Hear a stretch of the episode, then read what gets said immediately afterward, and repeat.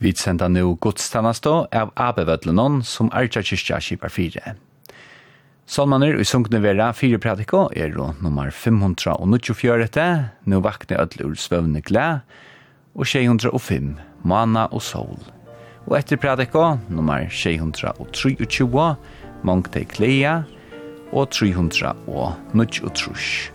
Tryggur fram vi gåun treste og Salmaner Våra, nummer 594, 605, 623 og 323.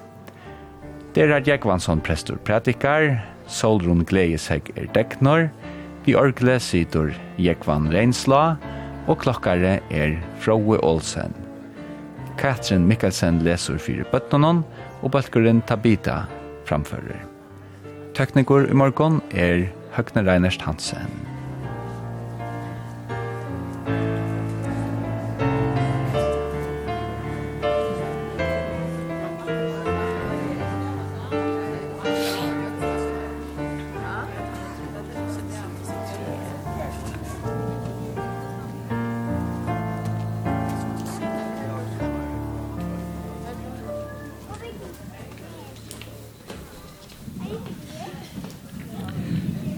låt mokken öll bya.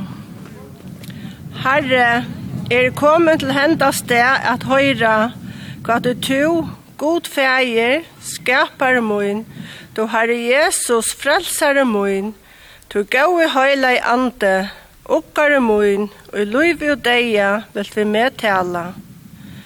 Herre, Åpna tun og såleis, vi tog noen heila i anda, fyrir Jesu Krist guld hjärsta mot at jeg av året tøyne kan lære at bære enger om synder mine, og i løyve og deg at trykva Jesus, og kvann det, og jeg en heila av løyve og løvna av abatna.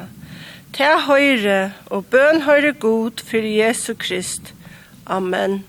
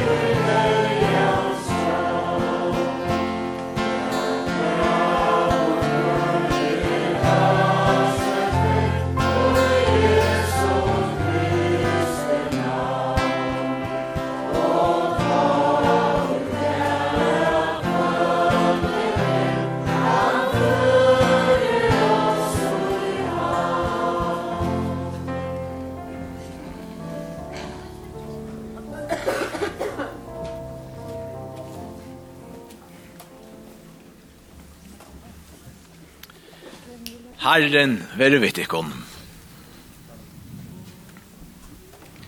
Læt jokkon bia.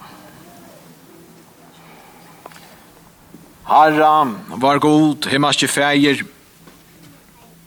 Vi bia til at to vi heila i anda tunnel vilt opplysa og løy jokkon så løyes. At vi dittje gløyma syndasekt okkara og gerast hugmovi. Men av hjärsta enkra synder okkara. Okkara det er fra det jeg betre okkon, og øyna okko okkon vi, at hun vil være okkon miskunnsamur. Fyri djeva okkon allar synder okkara, og gjera okkon sel allar eivir. For jeg en barna son, tøyne Jesus Krist var han herra, som vi tar liver og rævur, og i øynløyka høyleie andans, ein sannur god, om aldur og æver allar. Amen.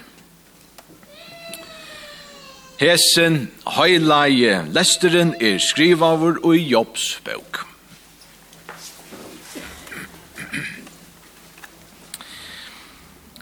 Jeg det leita til gods og lagt malevne mot framfyrir han, han som størversk gjer og i avfætande ero, og underversk og i avteljande ero, som gjever regn av gjørdene og sender vatten over marskene, til tess at lytta kuavun til hattar, og at sorgar sorgarbunden med å få sel.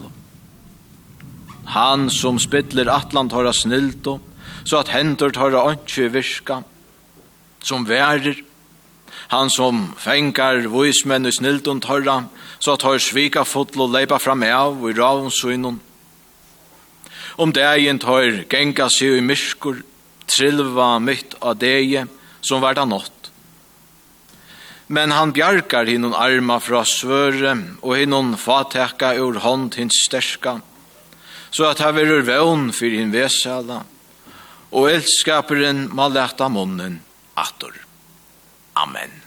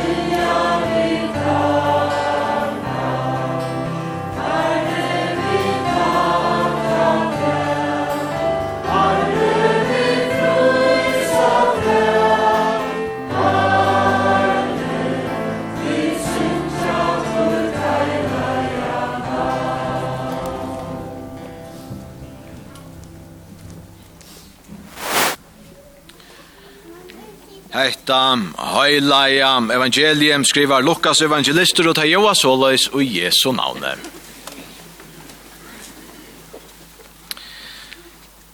Men Jesus sier oss ni eit av lyknelse vi nekrar, som lit og av seg sjolvar, at hørvår og rattviser og råkna av hinar for jantje.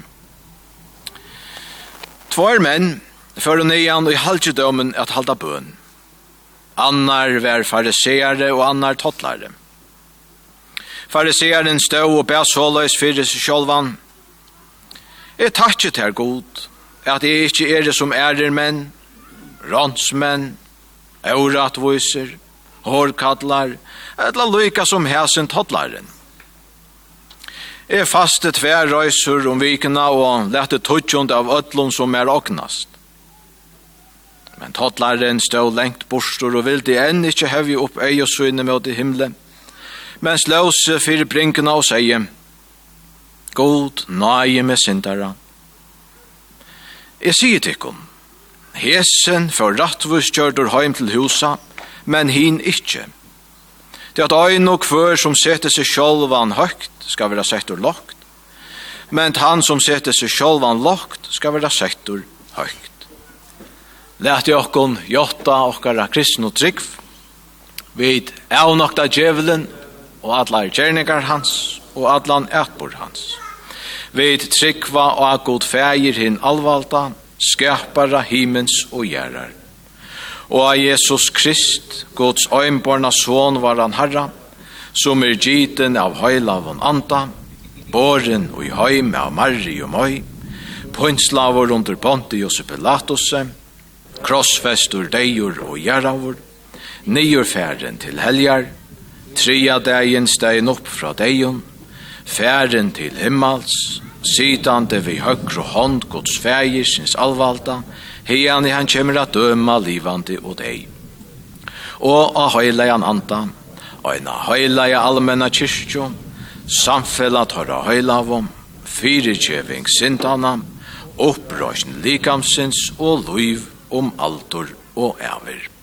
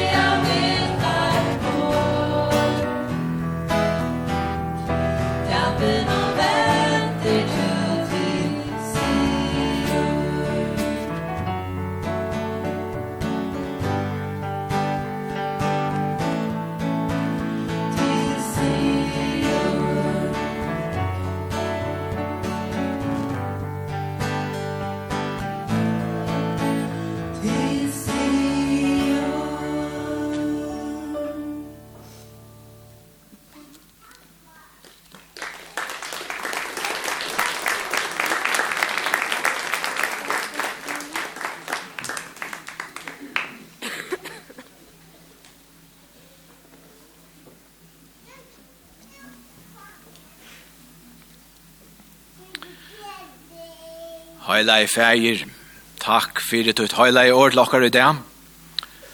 År tutt i sannløyke. La tæla i sokkom vegin, til sannløyka og til selo. Amen. Reithøvendren Adam S. McHugh skriva i og i en bøk som snøyr seg om til at lusta, Hagre og et menneske kjemur opp etter stianon. Torførare er det ikke tog at høyra hva gong fyre seg nere av grunnene. Jeg også vet ødel kjenna, flere av kjenna til støvene, til dømes ta i vid mala hus, at vera høgt oppi i stianon her vid mala, at det torførst er høyra til hei som er av grunden hva at hei sida, hva at hei gjerra. Tøy vid er å ta lengt bostur fra tøy. Men sjåvandi i hese bøkene, ta snøyr heita seg ikke om just te at mala, men i øron form, altså i iverfordom tøytninje, at være høgt opp just i og gjer til at torfarska mer at høyra hva det gonger fyrir seg ved grundene. Og i Loslo, her er det så løs at det kan være torsførst tja og noen løyere, at høyre kan det gange fyre seg av galven. Men så løs er det øyne i løyvene og tja og ødlom. Ta i vidt komme høyt opp av omkron økje, kan det gjøres torsførst tja og at høyre kan det gange fyre seg og i grunden, eller i grunden. Det kan være torsført til åkken er at suttja åkkara medmenneske. Så det er så kjøtt som er at vera ønsamhandler, eller ønsamhandler, oppe ut hos stia en og øyne for røyne at komme opp etter, med en ødel hine er å verande etter. Vi kjenner dette naturligt og i åkkara menning som menneske. Og sjåvante, det er naturligt jag och at lära at vänja att täcka utbyggving at få åkner Og således kunne vi sucha det som en måte at stuja upp etter stian Og sjåvante er det här og naturligt det nekva av hesson. Etta kunne vi kalla det at støya opp etter lufsins stia. Men det kan kjennast fyrir okkon til tøyer i öllum førun, som om at vi gerast øynsom og i hese støyan opp etter stian. Det er okkara verskatlan. Det er det vi eh, brukar okkara tøy og orsko oppa. Og kjøtt i hesare verskatlanene at gløyma de menneskjo som vi annars ferast saman vi og i hese som og tilver. Og men kan man da så òsne vera såløys, at det krever et fall til akkurst som missetnast av hese støyan opp etter stian og fyre med æren er suttje verløygan at det snur seg ikke bare om meg og mot og hesa verskatlandena som hesen stien i munnen løyve er men det snur seg om meg og i forhold til, og i relasjon til, mine medmennesker. Jo, men kan man et fall til, så la jeg at det dette, dette nyer, av et eller nyer etter det som. Og så la jeg må jeg oppleve ei mykt, Det er at jeg misetnæst. Og så la er det, jeg verilig kan kjenne meg suttja mot verilega e. Så naturligt som hetta er i møynare personligare menning, er det naturligt at flyta hesa hoksan, eh, henda eh, framferer hotten iver av tan lia eh, parsten av løyvnen. Og en lia menning, kunne vi kanskje sige.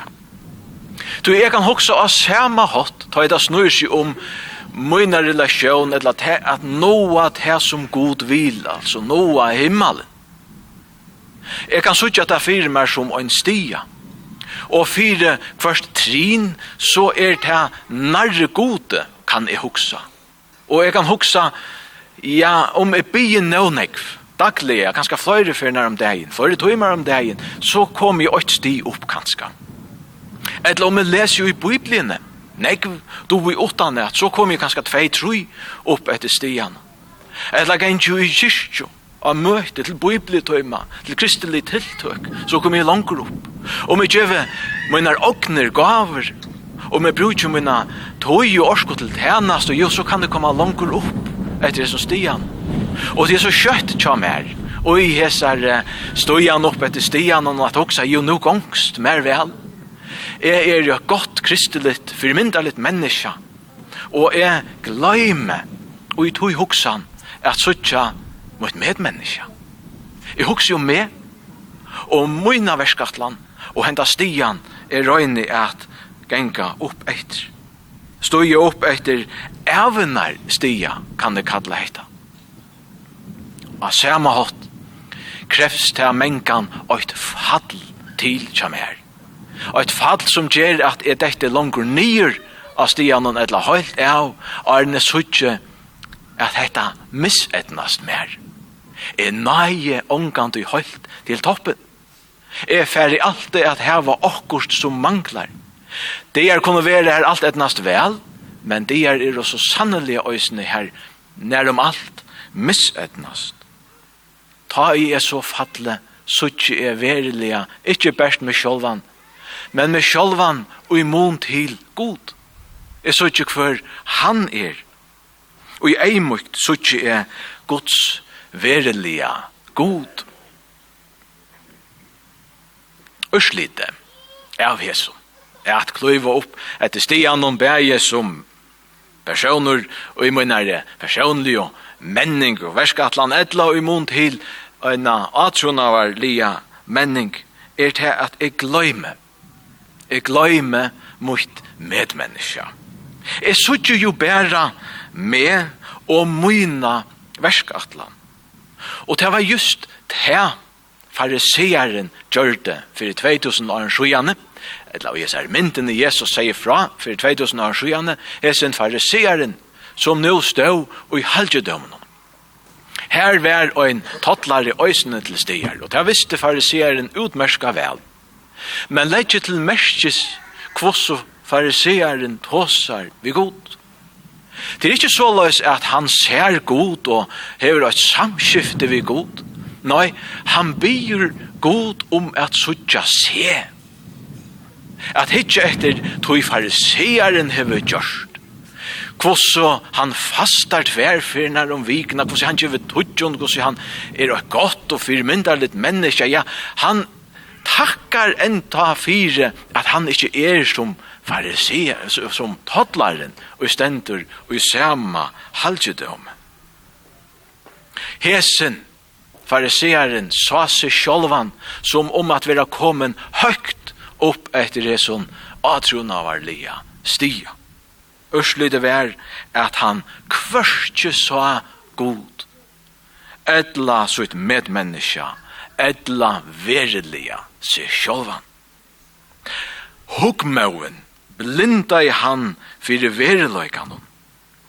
Mitt av stianon, her han stå i suine verskatlan, mitt av stianon vær han langst fra menneskjon og langst fra gode. Ja, langst fra gode. Tøy at vi at vera mitt av stianon, vær han i veriløykanon ikkje nærre gode, men langst fra tøy. Jesus kom nemlig nyer til gjerrar. Det er evangeliet. Jesus kom nyer etter hesson stia, kunne vi sia. Fyre at bera med, og fyre at bera te, altså bera okkon med og mine medmenneske opp etter hesson stia tog at jeg megnet ikke, to megnet ikke, ønsken av okkon megnet det Han valde tog jeg komme nyer etter honom, teka okkon og bera okkon opp. Tog var fariseren langst bostor, bæje fra gode og fra mannen, fra gode og fra menneskjon. Verskatlanen er ikkje tuin, etla moin, etla okkara. Verskatlanen, og her er landardomren, verskatlanen er gods. Så statt er det nu så løys. Ta jeg kan kvila i hesson at jeg kan standa av grundene. Jesus er kommet nyer til min, og nu ber han meg opp etter hesson stia. Tøy kan jeg og ei myk nu, suttja mykt verilega er. Hvor er verilega er, at jeg er et han som ikkje megnenda, tøy kom god nyer, og løsti hetta fyrir meg. Og jeg mykt suttja er nu gods, verilig god, tog jeg at nå sutje er at det er han som bjargar mer. Ikke er vi munnen røynton som skal røyna at bjarga mer sjolvun. Nei, god kom nyer at bjarga mer. Og, og i eimukt sutje er nå øysene tutt verilig, to etla, mutt verilig, medmenneska, og her vi, ikkje ein så fariseeren gjør det. Da han sa tattler og virdi han onkje. Men lytte seg selv opp vegna til fadl tattleren gjør det. Nei, nu er det såleis fyrir te og fyrir me og okkon nu. God kom nyer a bera okkon opp at vi verilega suttja til vire som er oi okkara medmenneska. Lov og takk og atler høyer verit her. Gode varon, fægir sine og høyla i anda, som alt og hevor vere, er og alt og verur og en sannur troi under god, ha lova vår fra fyrsta oppheve og om atlar æver. Vars Herra Jesu Krist frigjur, veri tja okkon atlar æver. God trost i alt hei som sjuk og sorgarbunden erom, anna kvart hei er og nær etla fjær. God varvøyte kristne søyna og atla kristna ivevøld. God djeve okkon öllum fri og sjálom. Amen. Læt jo okkon vi apostlen innskja kvurrørum. Herrans Jesu Krist næje og kærløyde gods og samfella høylei andans vire vi okkon öllum.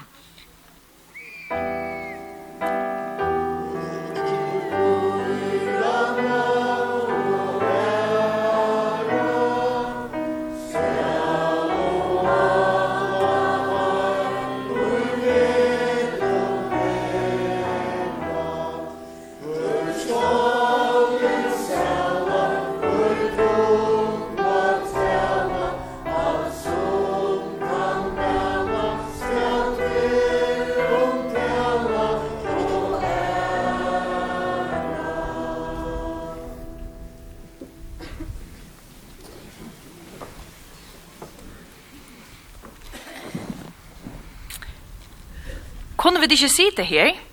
Her er slatter, bøver og vatten i tatt vi, sier mamman. Hetta er overra godt, sier papen.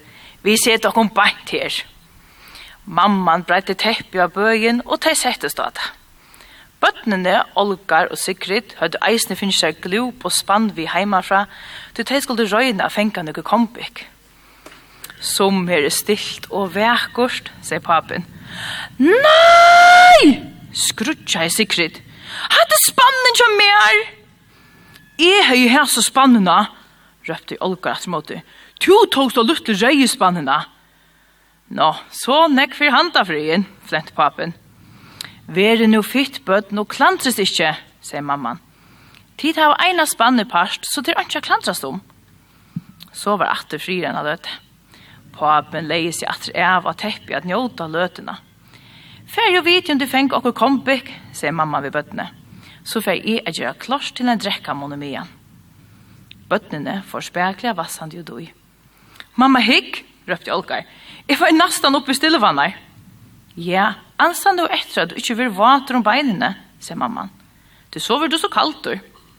Ja, ja, sier Olgar. Jeg fær ikke langt ut. Som hetta er en hona li løta.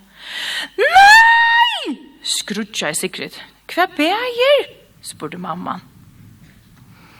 Olga spruttar, sier Sigrid. Nei, det gjør jeg ikke, sier Olga, og hukte vi storen øyen opp av mammena. Ja, Olga, vær nå en fytter dronke ved søsterdunna, sier mamman. Ja, ja, sier Olga, og får atra hitje et kompøk noen. Ta mamman hei tømt kurvena, sett hun seg kvila sina løte og njóta frien. Ah! skrutja sikkert enn eina fer. Kvært er nu av vase? spurte mamman. Olga spruttar alla tunnar av meg, røpte sikkert. Ha? sier Olga og hukte vi storen egen opp av. Nei, jeg spruttar ikkje. Jeg helt bare fengar kompuk. Nei, du gjør det da vi vilja, gramte sikkert seg. Nei, sier Olga og sa så og skiltjur ut som han kunne ikke klantrast, rønte mamma natt. Skulle vi ikke bare få folkene eta? Papen klarvakna i tøy, han hørte jo hetta. Eta? spurte papen smilande, og mossa i mammen av munnen. Ew! Olgar hugte bort. Ullak, hatta for unga det gjerast. Kom jo fai til kon, røpte mamman av bøttene. Ja, ja, røpte Olgar. Jeg skal bare lukka fengt av kompisje først. Mamman og papen hona seg og åte gåa med ut i solene, men mitt i ötlun så de at hei olgar helt at ongen hukte av seg, snære jeg seg så brottliga at en alta kom så bænt i stillevann av Sigrid. Og som vanta, så får hon atra skrutja. Mamma! røpte Sigrid. Bi Olga la det vera! Ja, hatta sa jeg, sier mamman, og hukte bænt på Olga. Olga hatta gjør du i vilja. Ha, sier Olga, og hukte hesa fyr, så og skyldte han opp av mammuna som man kunde. Men han fikk ikke hilde seg og for å flenda. Kvart, jeg gjør du ikke. Jo, det gjør du, sier mamma. Og ta varst du eisne vel sjolvor. Kom nu bare og få til å eta, nå at du ikke kan leta siste dina få fri. Ja, ja, jeg skal nok leta være, sier Olga. Jeg skal bare fenge etter kompisju først altså, hvordan er kompikket du finner gåa? spurte mamma sikkert. Troi, røpte hun natt. Og tog gåa?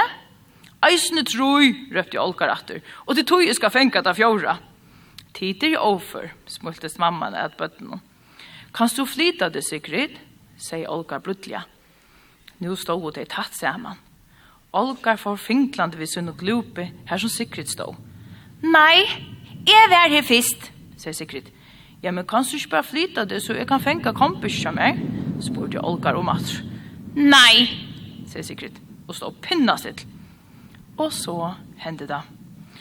Olgar tog vi ærer i håndene nyere vattnet, og årste vattnet oppi anledde av Sigrid. Og at det fire var hun sjått at skuppa han, så han datt nyr i vattnet. Olgar skjætne nyr i vattnet. Først var han kløkker, til vattnet var så kaldt, og så var han å gråte. Han tok spannene, som nå var tom, upp ur vattnet, og så grät han ännu nå nu gjorde papen kjøtt av og vassa ut etter barnbøttene. Olga var dutjvater, og Sigrid var buksvater. Nu er no mykje, sier papen. Kom dit helter og fag dykna eta, helter er bare klantrast. Da det var kommet, hei, kommet i heit og torklæger, settes det av teppe og finke kvørsen av tviflus og saft. Öll kompisen som mer er borstor, smakar at olkar. Og jeg brukte så lenge at jeg fänka deg. Jeg er veit, sier mamman. Men du veit sjolvor at du i Atlantia har arga syssetuna. Du helt av sjolvan det var stortet, men det helt hon så er kjørt ikkje. Og ta i hon så gjør du atter det samme mot det her, var du ytler og kjøtter. Og som du varst, så skal du inte gjøre det imot i øren som du inte vil ha at jeg gjør mot det her. Og det var hetta jeg ser godt dømi om. Ja, men hon skumpa i meg, og det gjør det ikke, sier Olga. Nei, men hei du givet spennende veien at arka, så var hette ikke hett, sier mamman. Hm, sier Olga. Og til Sigrid, mamman hukte på Sigrid, du skal helter ikke være så illsint. Ta i Olga spurte til så folkalega, om du kunne flyta til, så skulle du bare flotte, så det gjør det ikke hver vi er først her. Ja, men, rønte Sigrid av verja seg ikke jamen, sier mamman. Tid er sysken, og skulle tog være god i hver annan. Olgar, du har tid til liv å eta, sier papen. Så skal jeg hjelpe deg å vite om vi ikke fenger og kompegatter. Ta vær gå og le av Olgar, til det beste hun og domte, var det papen skulle hjelpe henne ved omkring. Ta i bøtten høyde i ete, for det glede vassant i utatter, sammen så sønnen er fengt det miste kompisen til Olgar. Og hesa fer var ikke klantra at høyre.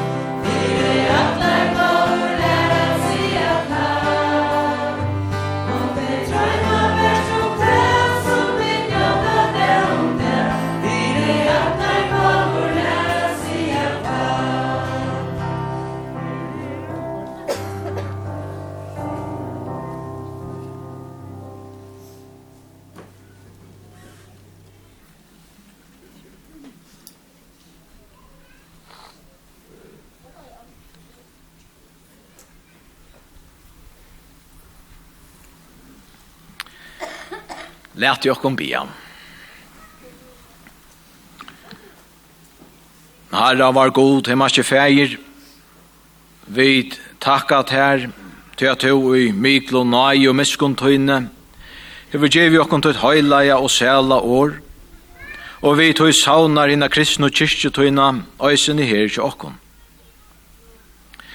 Vi bia til, vær tja okkon vi høyleia andatøynon, så at vi varva i dette år tog til takk som hun gjørst hun. Halda okkon etter tog og veksa og færa fram og i trygg, vøvn og kærløyka, til vi det at enda vera sel atlar ever, for i øynbarna son tøyn Jesus Krist var han herra, som vi tær liver og rævor og i øynløyka høyleia andans, øyn sann og god, om altor og ever atlar. Tætje er ikke visikning herrens. Herren valgsikne te og var vøyde te. Herren lette i anlitt så et lys i vitt og vært her nøyvor. Herren litt opp av sjøn søgna i vitt og gjevet her fri.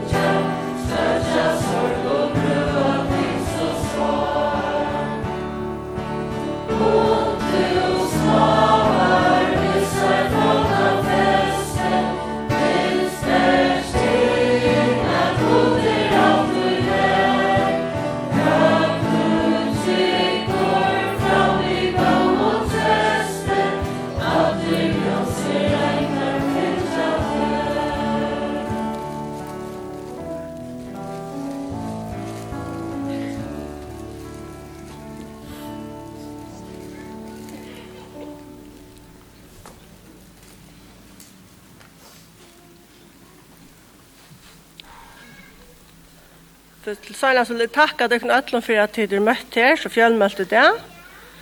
Jeg vil takke Ape for at vi kunne nøyde av vattlen her og Ape-huset, og ta bita for at Sintja. Det er alle bøyen inn i Ape-huset til en drekka må nå at han har godstandastene. Og i kveld klokka tjei er møte ut i kyrkjumsjonshusen under Ertron. Gunnar Reinsla talar og de unge av Ertron Sintja. Lætum okken öll bia. Herre, jeg takkje til her av öllum hjärsta munnen, for at du har lært meg hva du vilt at jeg skal trykva og gjøre. Hjelp meg nå god munn, vi heila i andatunnen, for Jesu Krist skuld, at jeg må varvaida årtut ur røyn og hjärsta. Jeg tog styrstjas i trunne, og i heila og levna jeg batna, og med vi til, og i løyve og deia ukka. Lat meg kun bya saman. Fægir var, tu som erst av himnon. Heilagt vere navnet tutt, kome rujtje tutt. Vere vilje tuin, som i himne, så a gjør. Gjev okkene det okkara daglige brei, og fyrir gjev okkon synder okkara, så som vit eisne fyrir gjev taimon i møte okkon synder. Og løy okkon ikkje fræstingar, men frels okkon fra til ytla. Tu ja tutt er rujtje, valdi og heiren om allar æver. Amen.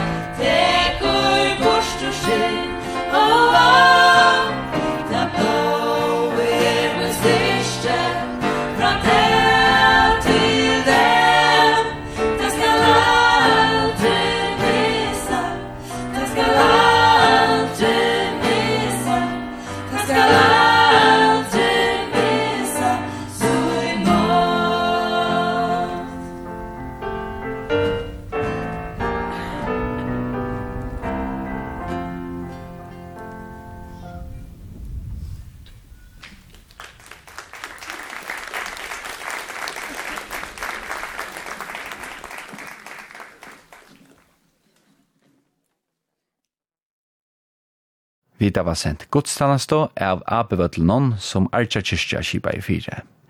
Der har Jekvansson prestur pratikaje og tøknikur i morgon vær Høgne Reinerst Hansen.